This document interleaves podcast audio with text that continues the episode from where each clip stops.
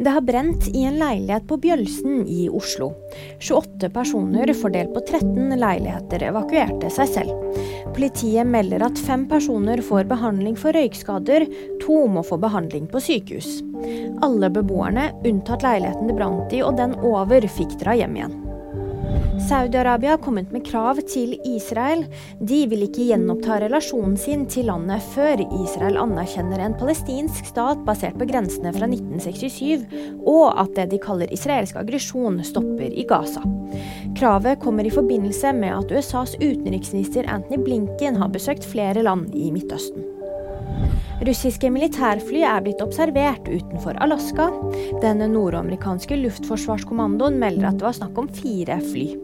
Disse holdt seg utenfor amerikansk og canadisk luftrom. Og nyheter finner du alltid på VG.